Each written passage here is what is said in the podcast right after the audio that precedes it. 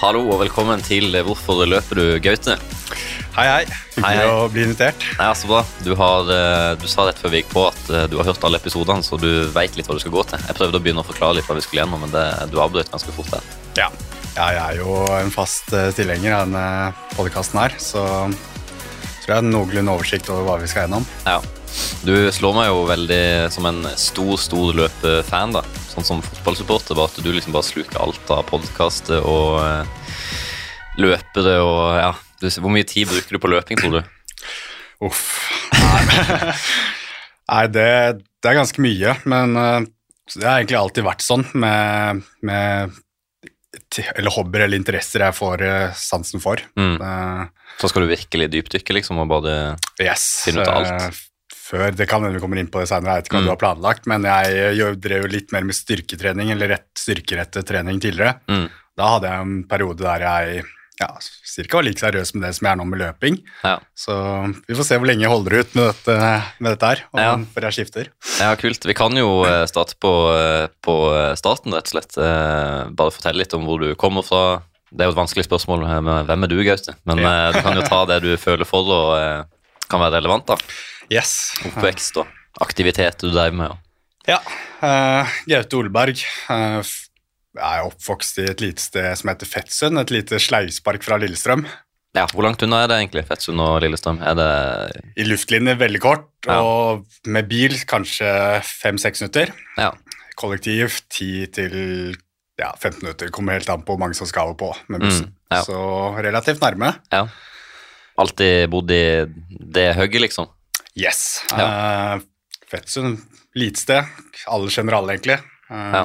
Fint sted å vokse opp. For jeg husker veldig godt fra, fra barndommen at vi, vi hele tiden var en svær gjeng, da. Uansett aldersgruppe og kjønn, Mm. så var vi alltid samlet og gjorde aktiviteter sammen, da. Nede på fotballbanen eller Ja. håndballhallen, et eller annet.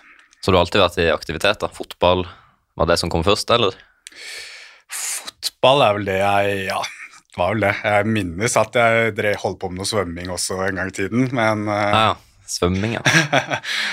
Hva jeg kan huske, så eh, var jeg bedre til å svømme under vann enn over vann, så Kunne begynt med sånn eh, vannpolo, er det heter? Sånn, eh, det er jo mye under vann, er det ikke det? Jo skal, eller sånn håndball, eller hva det heter for noe. Det, er alltid, det blir alltid poppis under OL. Vannpolo, er det det, ja? Ja, ja, ja. Det kunne jo vært noe for deg, da. Hvis Ja. du er god under vann. kanskje. Men ja, svømming, fotball, Håndball, håndball, ja. Gled jeg, og holdt så vidt på med friidrett òg. Uh, Mm. husker det var en friidrettstrener, Minerva, tror jeg han het, holdt på holdt til i Lillestrøm, som hadde lyst til å få meg til å begynne med 50 og 100 meter. ja. Var relativt rask som liten, Mm. men eh, ja, det ble fotball og håndball. Ja, løping var liksom ikke så uh, interessant da.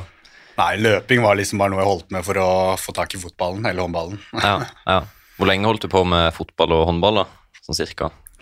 Fotball holdt jeg på med ja, Jeg har vel holdt, holdt vel på med det helt til jeg fylte 23-24. Ja. Og nå er Eh, du Litt ulikt nivå. Jeg er 29. Ja. Men eh, spilte i Fetsund, selvfølgelig. Vi hadde et veldig bra alderskull der. Eh, det er et lite tettsted, men vi var liksom på høyde med Lillestrøm, Vålerenga, Skeid, altså de gode Mm. lagene rundt omkring. Da, så vi ble invitert på masse forskjellige eliteturneringer rundt. Ja, kult. Eh, så det var veldig kult. Ja. Så ble jeg hentet over til Lillestrøm da jeg var 13 eller 14 år, mener jeg å huske. Mm. Da ble jeg speidet på av en, eh, av en agent der, faktisk. En speider som Oi. ville ha meg over. Så jeg husker Det er bra Lillestrøm å støvsuge litt rundt nærområdet. Ja, den fikk jo veldig tyn for det en periode. da. Ja. At eh, dem eh, Ja, okay. At de sopa opp alt, og det bare ble eh, rusk igjen på Ja. de andre. Ja, okay. Så det endte jo med at vi som ble hentet til Lillestrøm, fikk jo et veldig bra lag, da. ja det blir jo sånn, da. Men alt annet ble veldig ja, skal ikke si dårlig, men det ble veldig vasket ut, da. Ja, jo, det er jo som du sier, det er jo pluss og minus med å drive på sånn. Det er bra for Lillestrøm som skal hevde seg i toppen av norsk fotball, men så er det jo kjipt for eh, de rundt, da. Ja. Ja. Så spilte Lillestrøm. Eh, ble jo regnet som et relativt stort talent der. Var med rundt A-laget da jeg var 15-16 år, og rundt land, allbestemt landslagsdiskusjonene. Eh, holdt på til ja slutta vel egentlig når jeg var 16. Da begynte jeg å gå litt lei eh, til seriøsiteten. Så tok jeg et Ja. år tilbake i barndomsklubben Fettsund. Så Ja. klarte jeg liksom ikke helt å legge helt fotball fra meg. Så jeg gikk, sendte en melding til eh, han speideren og spurte om jeg vær snill kunne få lov å komme tilbake. Ok, Hvor lang tid hadde det gått av fra du sa at nei, nå gidder jeg ikke mer? Nå... Nei, det var tre-fire måneder bare. En Ja, ok. sesong.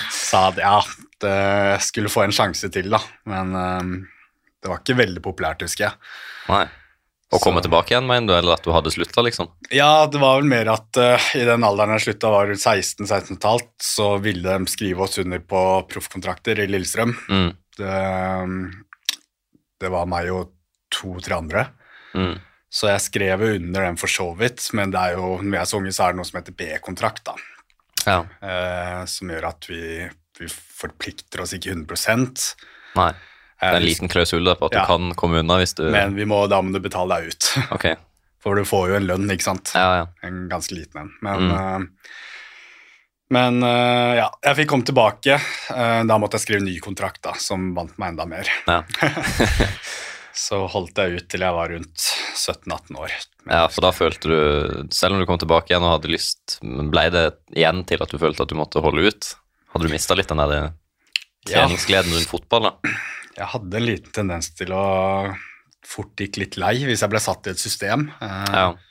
Fotball for meg, som jeg minnes, som liten var jo bare noe som var gøy. Fritt. Eh, fritt, ja. Ja. Jeg var jo sånn typisk uh, tråklekant, som eh, Tom Nordli, han var A-lagstrener på Lillestrøm da, kalte Mm. meg. Mm. Han hadde jo gjerne fotballsted der kantene skulle ligge breit hele tiden, motta ball, og så spille ballen på én og to touch, mens Mm. jeg var jo sånn som likte å drible litt. Ha litt på ballen. ja. Antonin Osa. ja. Ja, litt den typen, ja. ja, så Ja. det var ikke så veldig populært på den tiden der. Nei. Eh, Så når jeg ble satt i en bås, da mista jeg litt av gnisten, da. Mm. Hadde ikke lyst til å være en sjakkbrikke med kun de egenskapene. Du ville Nei. ha litt mer uh, Så, Tut og kjør, ja. Yes. Så ble det mer interessant for meg å se og søke etter andre ting, da. Ja. Men eh, ja, så du slutta da du var en sånn 23, var det du sa? Men det, det var liksom for moro-fotball da, de siste årene? Ja, så jeg slutta egentlig veldig brått på dagene da også. Det, det har egentlig vært en tendens på alt mulig, at det var så plutselig uff, så går jeg lei. Ja.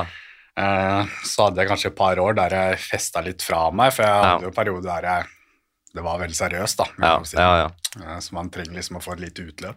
ja. Det tror jeg alle burde ha i løpet av livet, og så tenker jeg at jo raskere, jo bedre. Det ser ikke alltid så bra ut hvis den kommer når du er 40-50, Nei, så det er fint å ta den ganske kjapt. kanskje ikke like ivrig på den som uh, tidligere er Frida Byfylien var. Tok den ikke så tidlig. Nei, men- ikke så tidlig, nei. Man må holde seg innenfor det lov og regler her. Så vi uh, hørte på Frida som sånn skrekk og advarsel den episoden der. Ja. Nei, men uh, så begynte man begynner å savne fotballen igjen, da. Så veldig mange av de kameratene jeg spilte med under eh, tiden i Lillestrøm, begynte jo også å gå litt andre veier, studier, fikk kjæreste, mista Mm. litt interesse for det, og var driver med toppfotball, så vi ble liksom samlet rundt i litt lavere divisjoner, da. Ja. Så da ble det noen år i moderklubben igjen, Fett, som var i tredje divisjon, også Skedsmo, som da var i Mm. andre divisjon. ja. Eh, når du ser tilbake, da, angrer du, eller er det bare sånn nei, det var fair, det. Jeg var liksom, det passa ikke for meg. Det hadde ikke funka, eller er du sånn der, fader, at ikke jeg bare Sånn som typiske gutter sånn der, som har kneskade eller et eller annet som de skylder på, og så sitter de kanskje og tenker sånn, fader, altså, det kunne vært med når de ser eh, Jeg vet ikke hvem du spilte med mot på den tida der, som liksom har slått igjennom. Jo, altså du ser jo en av mine gamle barnesønner, Fredrik Gulbrandsen eksempel. Ja, Han er jo i Molde nå, er han ikke det? Jo, Ja. han eh, vil jo si han kanskje har melka ut eh, hva den karrieren potensielt Eller maks ut. Ja. Vi var jo oppvokst sammen i Fettsund. eh, var jo hele tiden på Løkka sammen Mm. hele dagen lang, egentlig. Faren hans er jo gammel legende i tippeligaen i norsk fotball, Tom Gulbrandsen. Mm.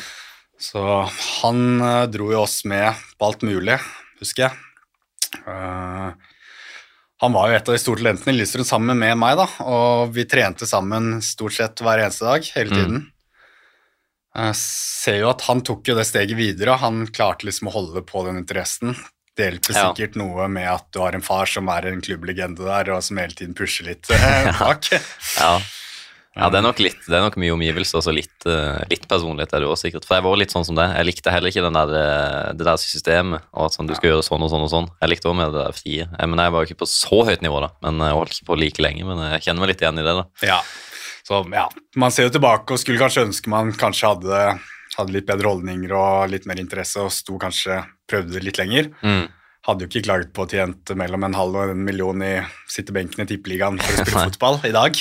Eller i Premier League og blitt millionær på benken, da, som man kan bli. Ja, så man vet jo aldri. Men uh, nei, jeg skal ikke være en av de som skylder på at det var en kneskade som tok meg eller slattersen. Det var rett og slett uh, at jeg gikk lei.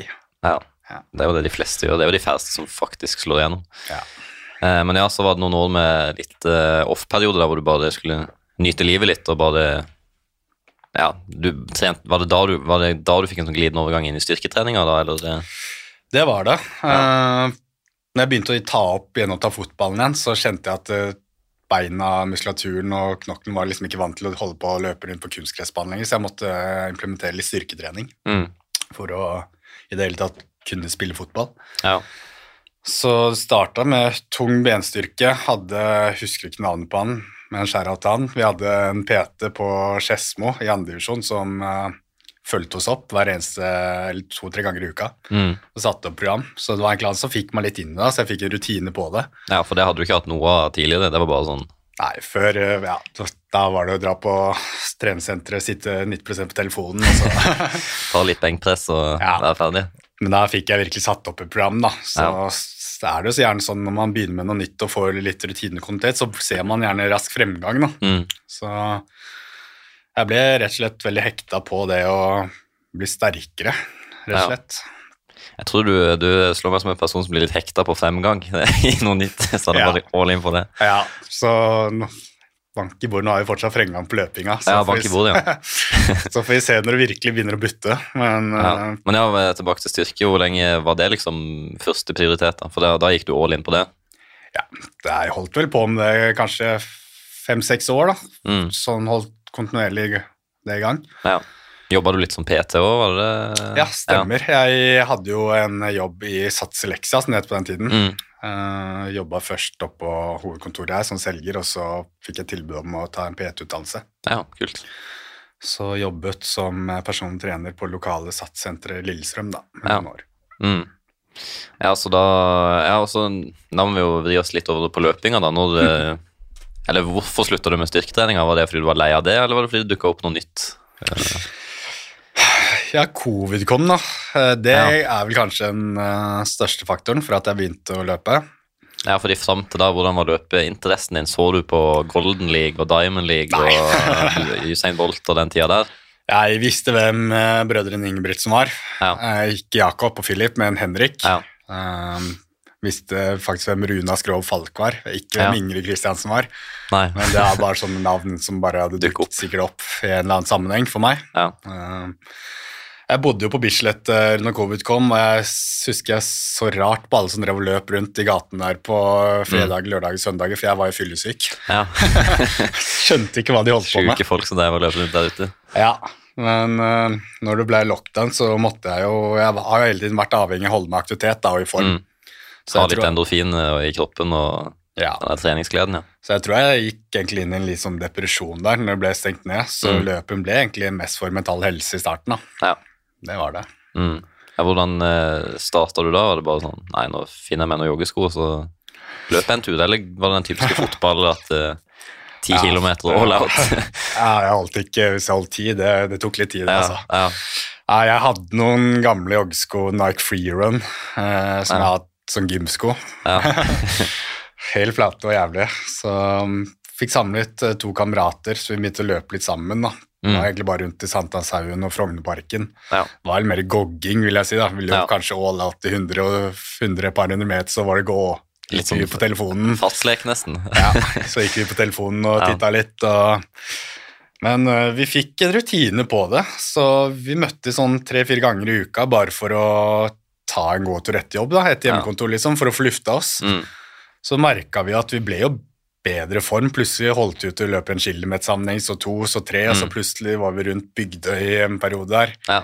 Merker at turen blir lengre og lengre, og man ser det mer og mer. Jeg husker vi gikk ordentlig knekken første Bygdøyturen, kom bort på huk der og har gått fem kilometer og fem igjen. Tenkte jeg, Ja, det et "Hule, skal jeg komme meg hjem igjen nå, liksom. så nei, det, det begynte litt sånn smått, som sikkert jeg har gjort for veldig mange andre også. Mm. 2020-vinteren der, kanskje. Ja, høst-vinter. Høst, ja. Ja. Ja. Når men når Altså, du fortsetter jo med dette. Begynte du å se litt Det var ikke så mye løp, da. Det var ikke så mye konkurranse. Men hva var det som motiverte? Da var det Nei, Fikk du sånn 'nå skal jeg løpe fem kilometer alt jeg kan', eller den typiske 3000-meteren, eller eh, Nei, løp det tenkte jeg ikke noe særlig på. Det syns jeg egentlig var litt skummelt i Ja. begynnelsen. Eh, men det er sånn det alltid har vært. Hvis jeg får interesse for noe, så begynner jeg å dypdykke litt inn i det. Så det starta litt sånn med YouTube. Mm. Ja. Eh, fant meg noen, eh, noen sånne løpe-YouTube-kanaler jeg titta på. Mm. Uh, samtidig som jeg også begynte litt sånn studier og sånn, syns jeg alltid har vært interessert når det kommer til trening. mm, Uh, Så begynte å lese litt om terskeltrening. Kom plutselig over noe med Marius Bakken. Jeg ante jo ikke hvem i fillesen natta det var. Du har ikke sett på han? Nei, jeg visste jo ikke hvem det var. Nei. Og visste ikke at det liksom var det som folk trente her i Norge. Men jeg, synes det, jeg fant det fascinerende da, Mm. og interessant. Mm. Så jeg prøvde meg litt fram på det, og hadde en annen gammel fotballkamerat som het Ludvig Benko. Eh, veldig god, Han har alltid vært veldig god utholdenhetsutøver. Mm. Bedre med uten ball enn med ball. Som uh, starta løpe samtidig under covid, og han så jo han plutselig løp 10 km på 31 minutter da, etter å aldri ha løpt før. Eller. Ja, Ja. Så jeg ble litt motivert av han, da. Så, så kopierte litt av øktene hans og gikk på noen smeller og Det var høy laktat. Ja. Første ordentlige intervallen min var vel ti ganger 1000. Prøvde meg på den, kom vel på tre.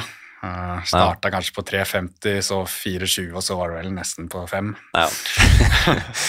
Standard det i starten. Ja, nei, men uh, fant etter hvert også Breaking Marathon Limits, den kanalen der. Ja, eh, det første som kom før det har utviklet seg videre til lange løp. Og de har jo fortsatt Breaking Marathon Limits, ja. Ja. ja.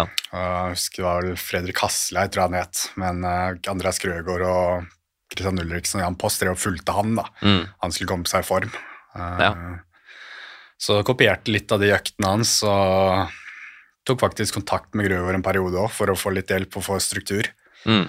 Og lærte veldig mye av den perioden her. Hadde, fikk vel papirutgave eller digitalt treningsprogram av han i et par måneder, Ja. uh, bare for å komme litt i gang. Så da skjønte du at du hadde trent litt for hardt, kanskje, på 1000-meterne? og Ja. at intensiteten måtte litt ned. Jeg husker jeg hadde behovsanalyse med Grøgaard der på Google Meeting før vi satte opp program, og han lurte meg lurte på hva jeg definerte rolig jogg som. da. Så Ja. Når den var på 4,20 og jeg sikkert ikke løp mila på under eh, en time, da Ja. skjønte han at her er det en som trenger hjelp med intensitetsstyring. Da ja. Det var vel først og fremst det jeg kanskje lærte mest der. ja. Og så, ja, du gjennomfører disse programmene, og så Hva skjer etter det, da? Nei, Jeg merker jo som eh, stort sett alle gjør, da, som kontinuitet, at man blir i bedre form. da. Og Løping blir morsom, morsommere. Men eh, jeg falt egentlig mest for lange distansene i starten. Ja. Jeg likte liksom ikke å få blodsmak i munnen, og så liksom ikke for meg å løpe noe 5000-10 000 meter all out. Det høres bare vondt ut. Ja. Eh, med å jogge fort på Ja. litt lengre distanse. Så prøvde jeg meg på et halvmaraton, eh, påsken i 2021, husker jeg en kamerat. Da hadde jeg fått kjøpt meg et par Vaporfly Next Prosent 1. Det Ja. hørte jeg, det har fått meg liksom var det shit. Ja. Eh, tok på meg de, hadde med meg to Kvikk Lunsj og to energigeller i et eh, sånn skibelte. Ekte påsketur. Ja. Ja. Og satte, satte fart, da. Og løp vel inn på 1,44, tror jeg, Mm. første gang. Så Det var liksom første offisielle løpet du løp? ja, det var ikke offisielt, det var jo bare sånn? Ja, ja okay. på GPS. da, Mm, 21,1. ja, ja. Mm. Så ble jeg ganske overraska og tenkte shit, det her var ganske bra, da. Ja, ja. Jeg hadde jo aldri løpt en joggetur over ti 10 km heller, så tenkte jeg der er jo kanskje noe jeg kan ikke har talent for, men noe jeg faktisk kan Ha moro med å holde på med å forbedre. Ja. Ja. Så meldte jeg meg på Midnight Sun ja. i Tromsø. Eh, 21, eller har arrangert de da? Det var 2021, ja. Det var Ja. under covid. Ja. Så jeg var heldig og fikk plass der da. Og det var jo bare to-tre måneder etter vi løp dette her. Mm. Og løp da inn plutselig på Hva var det, ja? 1,21. Oi. Steike, da hadde det skjedd ting. Ja. Og da var egentlig det løpet som jeg tenkte, Da begynte jeg å tenke shit, nå Der begynner jeg faktisk å bli ganske god til, da. Ja, ja. Så meldte jeg meg på Tytteplanmila, 10 km. løp ærlig inn på 50 minutter her, veit jeg var god nok og ganske mye bedre, men det er god gammel Ja. overtenning da, når du ikke kan Ja, for da gikk jo det seinere enn eh, begge 10 km du hadde inn i Tromsø-løpet, da, mest sannsynlig. Ja, men jeg Ja. starta brutalt. Ja. Som god gammeldags fotballstart. All Ja. out. Litt uh, slak nedover og masse gode folk rundt seg. Ja. Ja. Så Nei da. Um, så ble det Jessheim vintermaraton etter det, så jeg senka persen til rundt 80 minutter, da. Så Mm. Og ett år der så tok jeg rundt 20-25 minutter på halvmaratontida mi, så Mm. det var jo stor motivasjon. ja, da hadde du motivasjon fra 21 inn i 22, da. Ja. Ja. Jeg ville også tro at uh, mye av treningsgrunnlaget Altså, jeg har jo hatt ganske mye treningsgrunnlag fra jeg var yngre, jeg trente mye. Mm. Ja. Masse, masse år med fotball, og fotballsko er jo ikke akkurat Det er jo ikke mye demping. Og Nei. eh, styrketrening i noen år, og du flyter Og- nok mye på det med tanke på å unngå skade og sånn. Ja, så jeg har jo alltid trent mye. Mm. Det vet du kanskje godt, og veldig mange andre, at jeg, jeg er kanskje kjent for at jeg har veldig stor eh, mengde trening. Ja. Eh, bank i bordet. Ikke hatt mye skader og trøbbel med det ennå heller. Og jeg tror jo det også har noe med at jeg har spilt mye fotball, da. Mm. Løpt rundt på fryse kunstgressbaner med gressknotter, det uten demping. Mm. Det, ja, du flytter nok mye på det. Og så er du jo Du er vel flink til å restitusjon. ja. Eh, bruk av sko. Det er jo mange faktorer. Så Ja. er jo Du har vært eh, god der. Eh, 2022-sesongen den eh, vet jeg ikke så mye om. Tenk meg litt om her, jo. Ja. 2022, det var jo i fjor. Løp du maraton, da? Nei, Nei. planen var Oslo Maraton. Det, Ja. det start 2022, da løp jeg eh, hytteplanmila Ja, hva var det? 36-14, tror jeg. Ja, bedre enn 50. Ja, det var egentlig det, det før. eneste løpet jeg løp det året. Blei litt redd for å løpe igjen etter en ordentlig smell på hytteplanmila året Ja. før der. Så jeg fikk, men da fikk jeg ordentlig struktur på treninga mi, da. Ja. Kom, begynte å bruke Strava litt skikkelig, begynte å følge litt ordentlige folk. Christian Ulriksen, Jan Post, eh, deg blant annet begynte jeg å følge. Ja. um, ja Grøgaard, disse standardfolkene. De du må følge for Strava for å Ja, få struktur. ja, så Ja, så jeg eh, hvordan de la opp eh, ukene sine, hadde fått litt innføring i, av Grøgaard året før, og ja, Mm. begynte liksom å bygge måned på måned da, med kontinuitet og terskeltrening. da. Var det mest solotrening, da, eller hadde du noen eh, å trene med i ny og ne? Eller var det soloprosjekt? Jeg hadde noen, Vi var en gjeng i Lillestrøm som var ganske en Mm. periode, som vi trente mye sammen, Ja. men eh, en god del alene også. Jeg ja, trives med begge deler, egentlig. Mm. Ja, samme her. Um, altså, når, eh, når begynner du med dobbel terskel, da? For det har du jo trent så lenge siden jeg har kjent deg, i hvert fall. Men Ja. eh, du har kanskje ikke gjort det fra dag én. Det krever jo litt eh, man må være på, Jeg føler man må være på et visst nivå Ja. for Dob- å klare å kjøre to økter på en dag med kvalitet, Ja. eller med fart. Dobbel terskel det er etter rytteplanmila, da jeg løp 36,14. Da hadde Mm. jeg løpt tre terskeløkter eh, per uke ca. Tirsdag, torsdag, lørdager. Mm. Så var det sånn at jeg fikk muligheten til å begynne å jobbe i hjemmekontor fire dager i uka. Ja. Eh, Da så jeg muligheten til å eksperimentere med dobbel terskel. Covid har virkelig lagt til rette for at du skal satse løping. Det har det, virkelig. Så um, da, ja. Da fikk jeg liksom muligheten til å restituere og sove. Hadde jeg lyst til å ha en terskeløkt klokka ni på morgenen i stedet for klokka seks på morgenen, så kunne jeg det. Så det la jeg til rette for at jeg fikk de timene søvn jeg trengte, da. Ja. Fikk veldig stor fremgang på den marka i starten. Syns du det var tungt i starten, eller klarte du å eh, disponere det riktig? For det er jo viktig å Jeg føler jo de som trener dobbel terskel, tar en rolig første økt som er kontrollert, og så en litt raskere andre økt. Klarte du det, eller eh, gikk du på en smell, eller var det spot on at du var flink og Jeg trener nok mer kontrollert i dag på doble dager enn jeg gjorde på den tiden. Ja, Men eh, sånn sett tilbake så tror jeg ikke heller at jeg det var ikke krise. jeg løp ikke all out 10 km fart heller, vil jeg påstå. Nei. Men uh, om det hadde vært bærekraftig i lengden, det veit jeg ikke. Men uh, det Ja. Ja. Jeg løp nok litt hardere enn jeg gjør i dag. Mm. For da du begynte med dobbeltterskel, gikk du til innkjøp av laktatmåleren da, eller kom laktatmåling seinere underveis? Ja, det kom faktisk i våres, da Når jeg begynte Ja. å trene med SK Vidar. Ja, ok. Så hadde ikke gjort det før? Nei. Nei. Det, visste, jeg visste så vidt hva det var, men Mm. var mer på følelse. Jeg liksom hørt at terskeltrening det er et sted mellom maraton og halvmaratonfart. da, Mm. ikke sant? Ja, Så jeg tok det som utgangspunkt. ja. Ja. Men eh, ja, du kan jo snakke litt mer om laktatmåling. Jeg er jo ikke så inne i det. Jeg vet jo hva det går ut på, men eh, Ja. Ja, syns du at det er, det bare positivt? Er det noe negativt? Hva er, hva er fint med det? Nå kan du være litt eh, ambassadør, eller du kan gi skryt og slakt til laktatmålere. Det, jeg føler jo det, litt, det kan være litt forbannelse, og så er det, fin, det er et fint kontrollverktøy òg, da. Ja. Uh, det er, eh, er litt sånn som uh, Ansar sa. Han er veldig sånn som liker å se på tall Ja. og følge med på progresjon på den biten. Mm. Uh, så laktatmåling gir meg det. Men eh, på den andre siden så merker jeg også at det er eh, Det kan være litt slitsomt med, mentalt, synes jeg. For hvis jeg løper over et eh, tall på laktatmåler som jeg Mm. helst ikke burde gjort, så Og du kan, har en god følelse, kanskje. Så kan og du jeg få har en god følelse, ja. så kan man sitte igjen med en følelse at økta var, eh, ikke var så bra likevel. Mm. Noe den kanskje var. ja, ja. uh, angrer litt på at jeg tok steget inn. Såpass ærlig skal jeg være. Ja, altså du er litt sånn todelt, eller Ja. Ja. Jeg eh, skal prøve, jeg har sagt til meg selv nå, jeg skal prøve å legge inn, være litt flinkere til å legge den hjemme, og ikke ta den med på hver eneste økt, sånn at den Ja. binder meg. Nå for eksempel på økta i går, for eksempel, så bestemte jeg meg på i forveien å ikke ta med laktatmåleren. Da ble jeg Mm. dessverre plukka ut til kontrollmåling. Stikkontroll. Men da løper jeg kun på følelse, og da løper jeg ganske fort til meg å være på terskelintervall, men da løp jeg kun følelse fordi jeg følte meg bra, og da viste det seg også på målingen da, at det var riktig. ja. Men eh, nei, laktatmålet, jeg tror ikke man skal henge seg altfor mye opp i det, ikke på det nivået vi er i hvert fall. Jeg vet at det er mange i treningsgruppa SK i dag som sverger til det. Eh, Mm.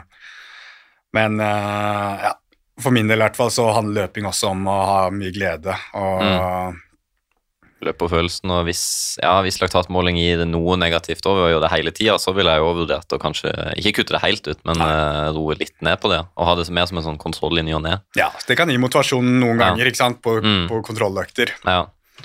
Sånn som i går da du ble plukka ut i stikkontroll, og du har fordi eh, en av trenerne våre tror du kanskje løper litt fort, og så måler du lavt. Da er det jo digg. Ja, det må Ja, det Jeg skal ikke si at det er en kultur, men, eh, men eh, det Ja. Man må få lov til å bli bedre, bedre form også, uten at man liksom Hva skal jeg si eh, Man blir kanskje bundet til en fast fart da, på disse fellesøktene, siden man er i en spesiell gruppe. Eh, Mm. Ja, jeg tror ikke man skal låse seg til en gruppe i flere år, liksom, at det, det er her det skal være for Ja, alltid. det er det, det, ja. det må være lov å rykke opp og ned eh, ja, ja, på underveis. dagsform. Mm. Det, det er sant. Men eh, ja, så du skal, skal du kjøre et lite prosjekt nå hvor du kjører litt uten, og så kontrollerer du, eller eh, kan du kjøre litt bolkevis? Ja, det er det jeg tenker også, i hvert fall nå mot vinteren, så tenker jeg en hardøkt i hvert fall. Mm. eh, hvor jeg kommer til å legge laktatmåleren helt bort. Ja. Så vi kaller det for en pusteøkt, om det kanskje er motbakke Pustøkt eller eller blåsøkt, eller ja. hvor vi tar litt i og skal puste litt. Få litt Ja. den der fotball-slitsom-pusten. Ja, jeg, jeg kjenner jo litt på det. altså All hyllest til SKI der, det miljøet der. Mm. Eh, jeg vet ikke om jeg hadde på eller vært så seriøs på trening. Hadde ikke vært løping, hadde ikke vært for SK der. at jeg kom inn der. jeg tror ikke jeg heller hadde det, altså. Et helt fantastisk løpemiljø. eh, fantastiske eh, mennesker der. Vi har ikke sponsa SK Vidar, men eh, hvis SK Vidar har litt cash, så er det bare å jeg, tror hadde, jeg har dratt inn litt medlemmer her men eh, vi hadde jo ikke sagt det hvis ikke det var sant. Det er jo et nydelig miljø, og det, kan, det er jo sagt tidligere i poden at generelt, om, hvis du bor et annet sted enn Oslo, bare finn en Ja. løpeklubb.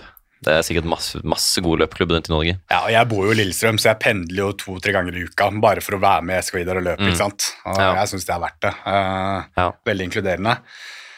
Men der har vi jo faste økter hver Mm. tirsdag, torsdag, lørdag. Det er veldig standardisert, ja. Veldig standardisert, ja. Mm.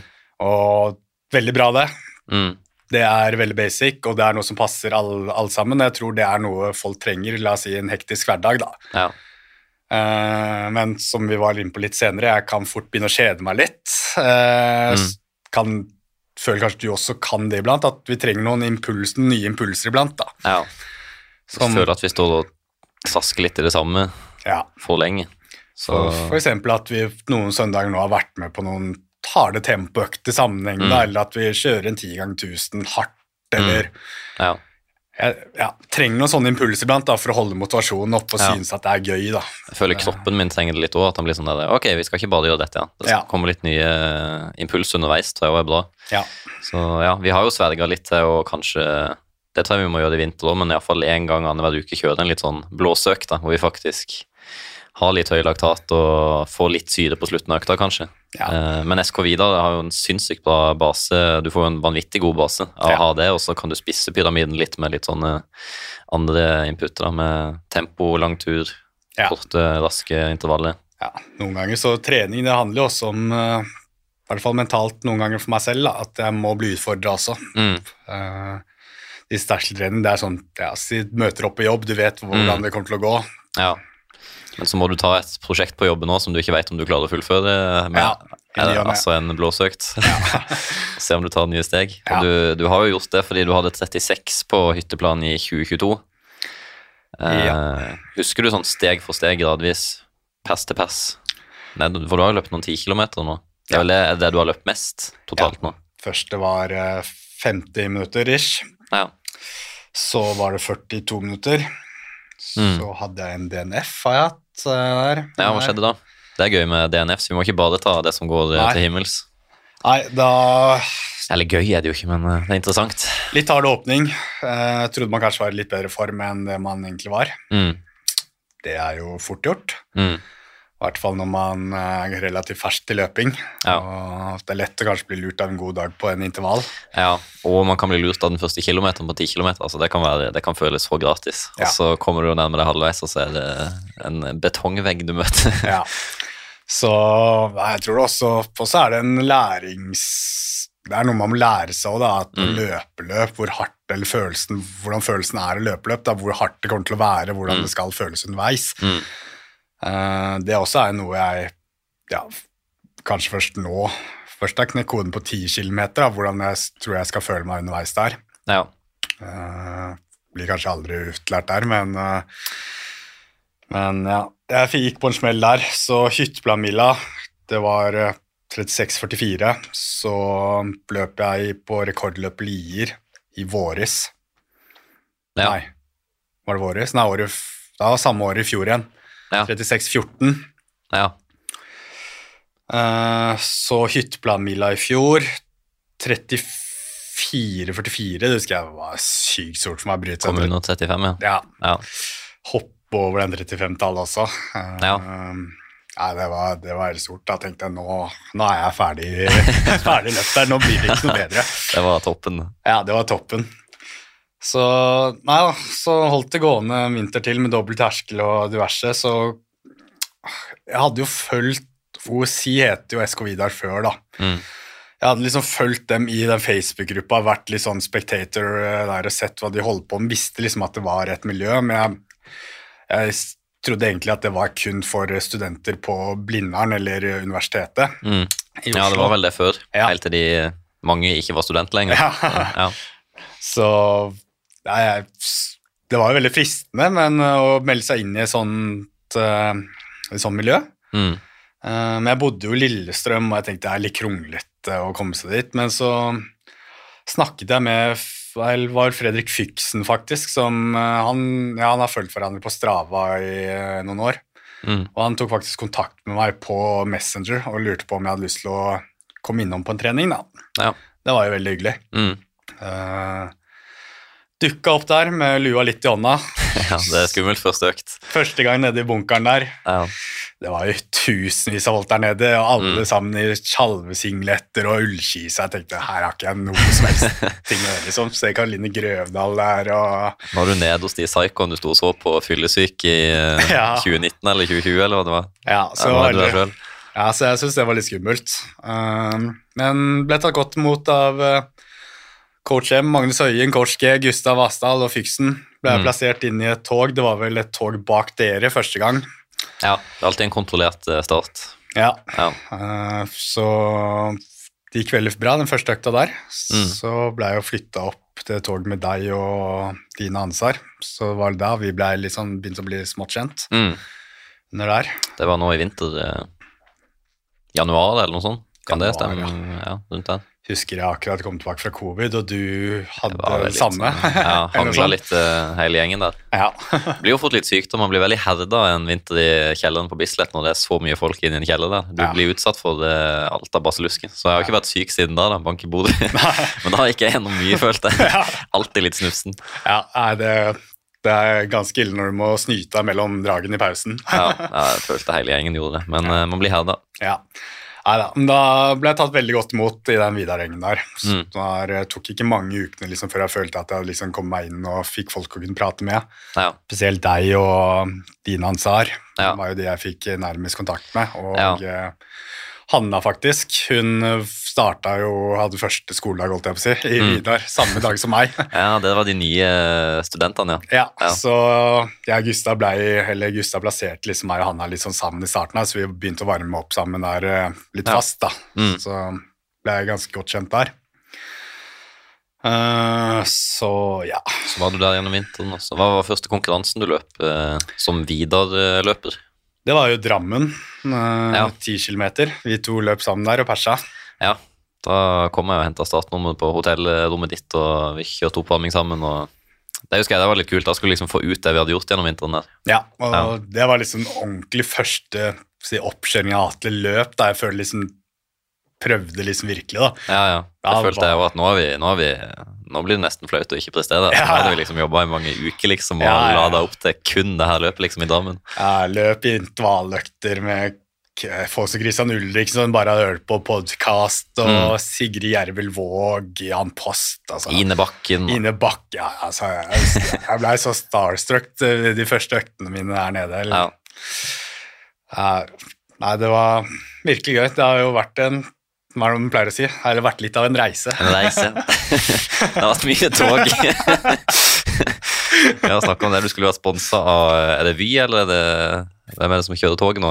Ja, det er vi. Det er vi, ja. Ja, jeg, det blir noen turer. Ja, ja, det, har vært, ja men det har jo vært en uh, tidsreise. da, som tid, eh, Tida har gått ned. Ja da.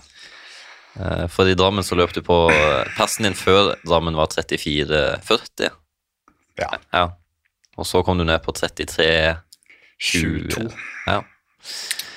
Og hva, eh, hva, tenk, hva tenkte du i målgang der? Var det sånn shit, dette, vil jeg ha, dette kan jeg gjøre enda bedre, eller tenkte du igjen at nei, nå, dette her er taket? Det sykeste var at jeg faktisk tenkte at eh, det var litt mer å kunne hente. Hadde jeg ligget i den Jeg mista gruppa deres. Ja, det så jo ikke jeg, men du var jo like bak. Ja, jeg lå sånn ti meter bak hele tiden, liksom, så Ja. blei jo hele tiden jagende. Jeg husker underveis der eh, var jeg og Sigrid Jervel Våg som liksom lå midt mellom alt mulig. Så fant jeg sånne punkter underveis, jeg telte ned sekundene liksom, for Mm. å se hvor mye jeg lå bak dere. ja. Og det lå ganske jevnt. Ja, det var fem-seks sekunder bak hele veien, liksom. Ja. Og, men jeg hadde liksom ikke et ekstra gir å komme opp, eller Nei, og det koster jo, det er det som er så dilemma. Ja. For jeg har jo vært der selv, at skal man ta et magedrag og komme seg opp, Ja. men eh, så er man jo livredd for at det skal koste at, at da ryker strikken. Ja, så sånn Hadde jeg ligget i gruppa der, kanskje jeg kunne komme inn samtidig med deg, fått de fire-fem sekunder ekstra. Mm. Ja. Men Ja. sånn sett også i etterkant, så Ja, jeg var ganske tom for roto da når jeg kryssa den grensa, så Ja, det, jeg tror du hadde, du hadde jo hengt med hvis du hadde vært i gruppa. Det var snakk om fire-fem sekunder, så det hadde du jo fått en, kanskje fått en litt billigere reise. Men uh, det var ganske optimale forhold og et bra løp, husker jeg. Ja. Nei, det, det var stort å komme ned på 33-tallet, husker jeg. Mm. Eh, og så går du i gang med trening, og så hva er det du vil fokusere på etter det? da? For nå begynner vi å nærme oss eh, nåtid her. Ja, vi gjør jo det. Eh, Drammen halvmaraton var jeg påmeldt, da. Ja, Så det hadde jeg liksom langt foran her. Som, Som det et, eh, neste store A-målet, liksom. Ja, som et stort A-mål. Ja. Så visste jeg at jeg kom til å konkurrere litt sånn i mellomtiden også, men eh, hvilke løp, det var usikkert. Uh, meldte meg jo på sentrumsløpet to dager før. Det var egentlig for å være fartsholder for hun Hanna. Mm. Uh, varme opp sammen alt der. Mista hun i startområdet, det var jo så mange der. Ja. Jeg hadde til og med kjørt terskel fire timer før, så jeg var jo ikke forberedt på løpet. Nei. Men så tenkte jeg shit, nå må jeg bare ja, Jeg bare tar det som en terskeløkt. Og der Ja. løper jeg faktisk tror nesten det var en nesten større prestasjon enn Drammensløpet mitt. Var det 33,57 der? ja, du løp under 34, ja. Ja, Og eh, sentrumsløpet er jo ganske mye tøffere løype enn eh, Drammen. ja og det var Ja, midt i mengdeuke, 140 km i beina, økt fire timer før, så Ikke sånn superoptimal oppladning, nei. Nei. Så da tenkte jeg at hvis jeg slapper av kanskje to uker nå, så kan vi gjøre sub 33-forsøk, da. Mm, ja. Så vi samla jo en gjeng. Du var jo med der, du også. Ja. Eh, prøvde oss. Mye vind, det skal jo sies, Ja. men jeg tror om vi var gode nok sub 33, jeg husker vi kunne sikkert løpt ned mot 33.05, 33.010, vil jeg tro, men jeg tror vi da hadde hatt så mange løp, og vi var rett og slett mentalt Ja. utblåst, for du hadde jo hatt en sinnssyk prestasjon på fem kilometer Ja. her også. Jeg merka det på det mentale at jeg var litt kokt mentalt, egentlig. Kjente at jeg var Nei, det Beina vet jeg ikke. Kan, jeg tror Hvis hodet hadde vært på plass, som du sier, så hadde vi kanskje løpt ned mot 33-10. Ja. Maks, liksom. Ja. Men eh, nei, det, det Så det var et litt mislykka forsøk for oss. Ja, jeg hadde liksom ikke de merka det opp, uka opp til det løpet der, da. Det er liksom på sand, vanlig norgesløp eh, Ja, du får ikke samme kriblingen i magen, da. Nei, det har litt å si, det òg. Ja, helt klart. Og da var vi i april-mai, nesten. Ja, øh, etter det så prøvde meg jo på en fem kilometer da, på Jessheim, uoffisielt NM, eller Østlandsmesterskap. Mm.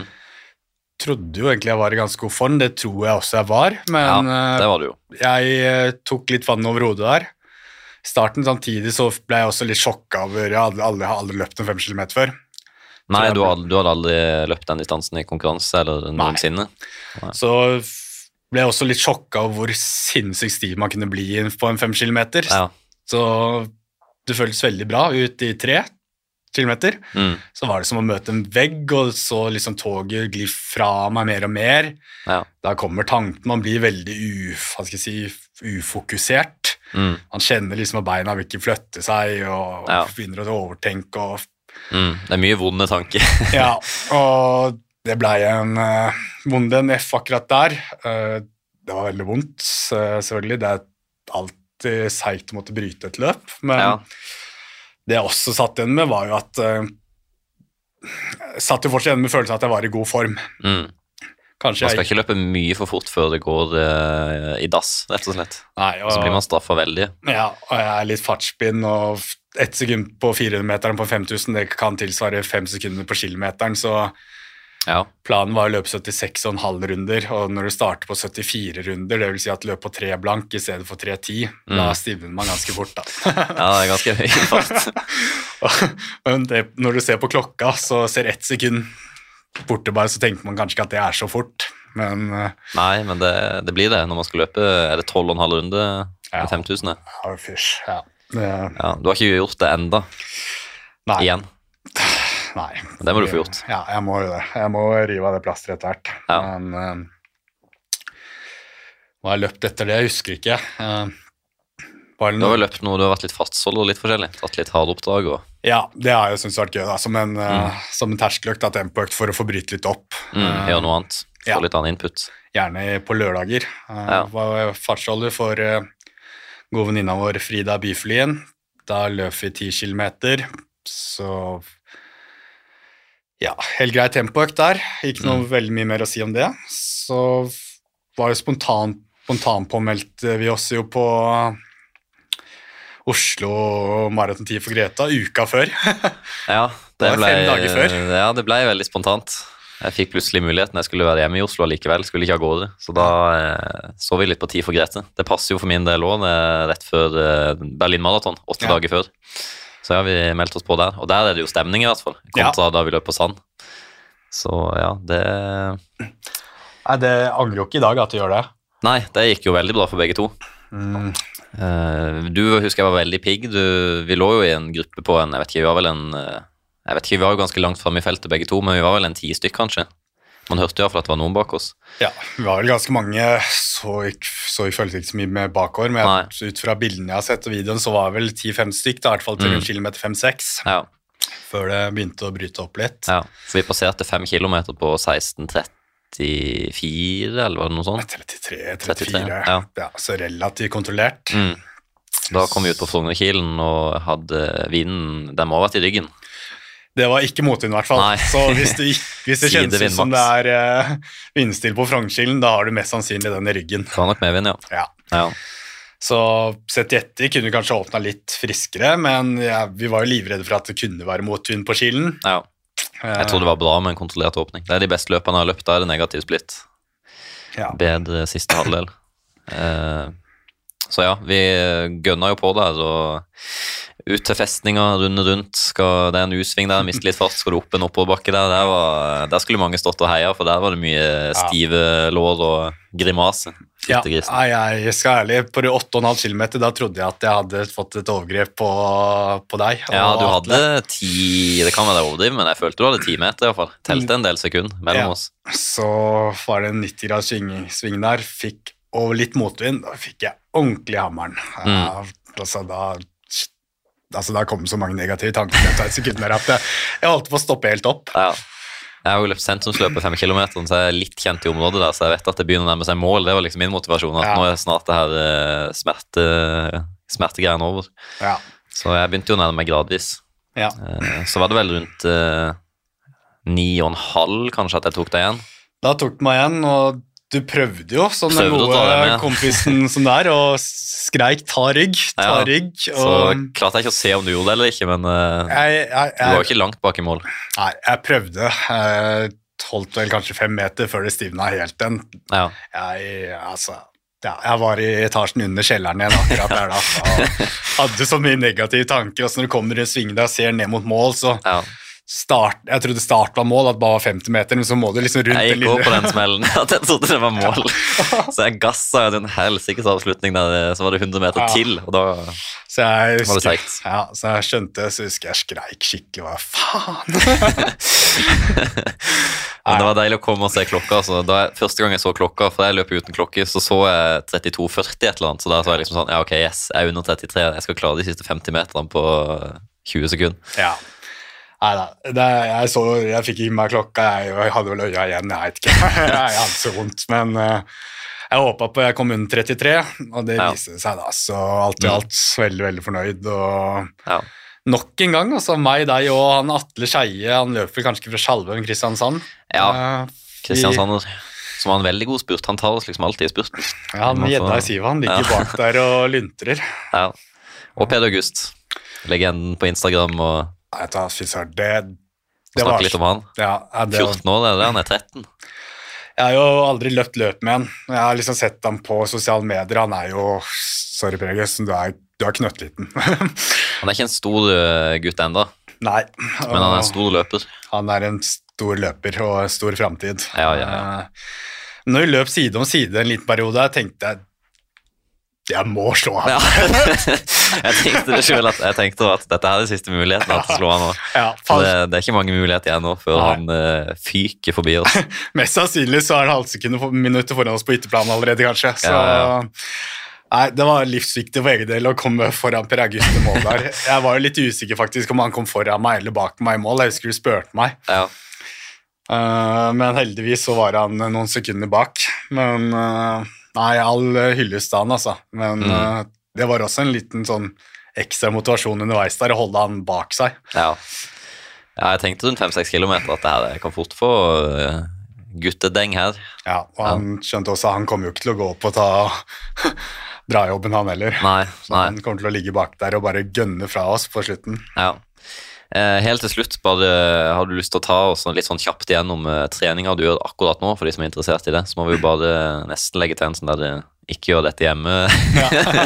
Advarsel ved siden av, med mindre du har hjemmekontor og ikke har barn, ikke har dame, men at alt er tilrettelagt for trening Ja. og hvile. Først og fremst, jeg må, jeg må stå som Morten, Morten sier der, da. Jeg har en hverdag og en jobb som er tilrettelagt for at jeg skal kunne trene nærmest tilegnet som en toppidrettsutøver. Såpass ærlig må det Mm. være. Jeg har 100% hjemmekontor om jeg ønsker. Mm. Styrer hverdagen min selv med møt, faste møter, eh, så jeg kan legge de om eh, når jeg vil. Ja. Ønsker jeg å trene et økt ni om morgenen, ti om morgenen, gjør jeg det. Jobber jeg, og så kan jeg ta en økt til på ettermiddag kveld. Ja. Og, så ja. I endel så må jeg kanskje ta noen møter i løpet av helgen, men det gjør meg fint. Ja. Ehm, Jeg ligger jo som regel på rundt mellom 150 til 170 km i uka. Mm.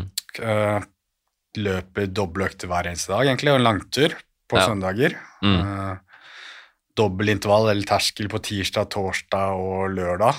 Ja, du har dobbel på lørdag òg. Til tider har jeg hatt det jeg hadde det i våres. Eh, ikke hatt det nå de siste ukene pga. løp. Mm. Men eh, Skal du ha det i vinter, eller vil du heller ha en blåsøkt i nei, da kommer jeg heller til å kjøre igjen ordentlig av den. Ja. Mm. Mm. Eh, skal du ha inn styrke? det lurer jeg på.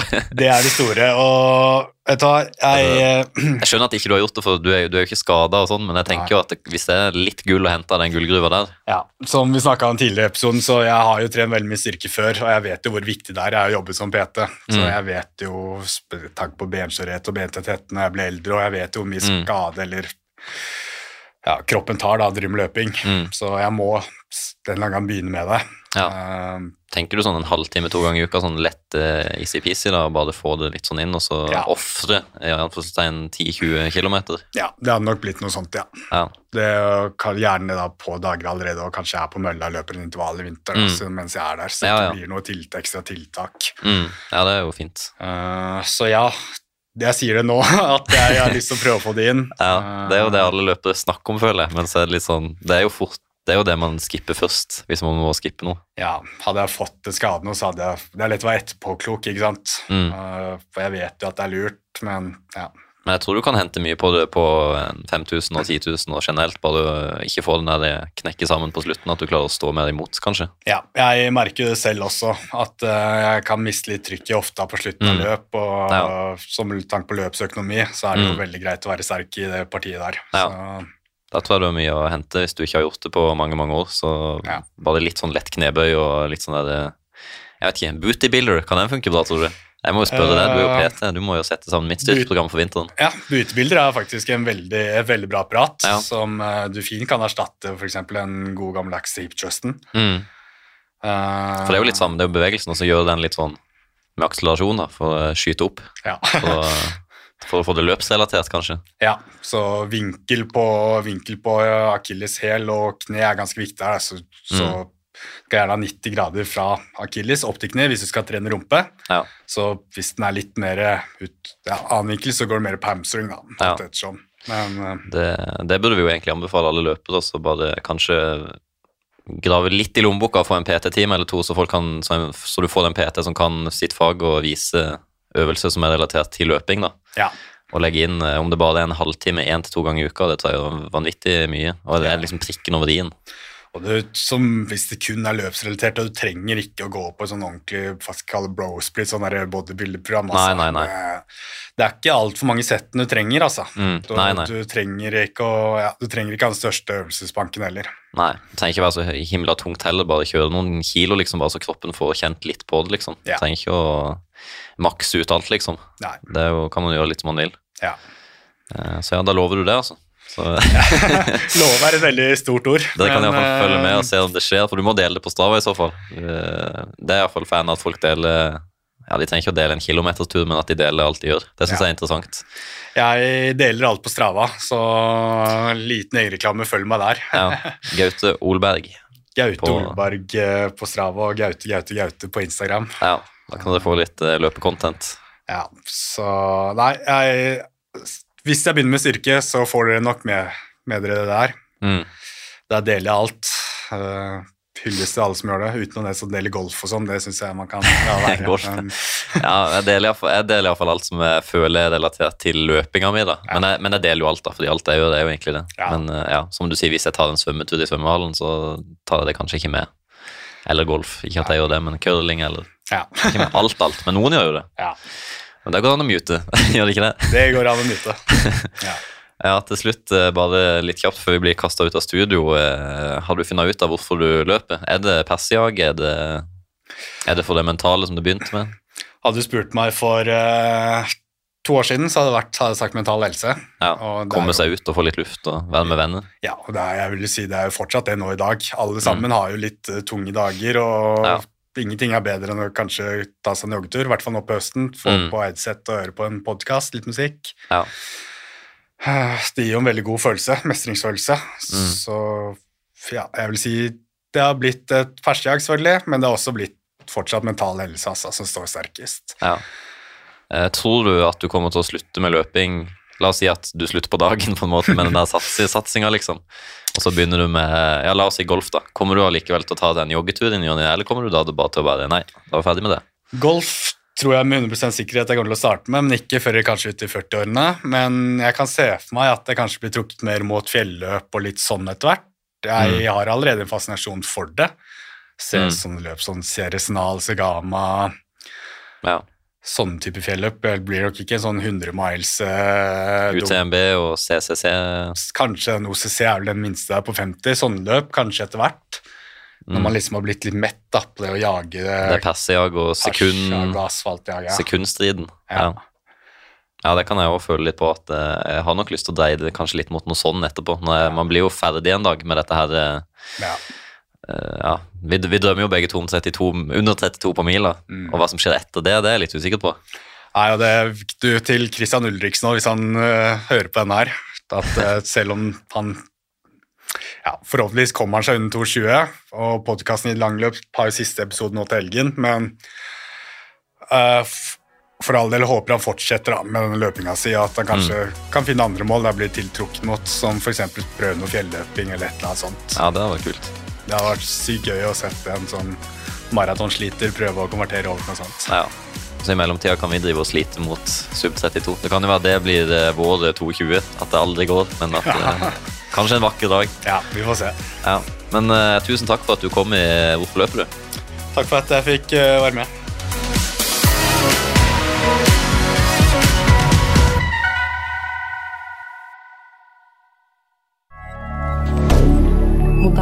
Canada.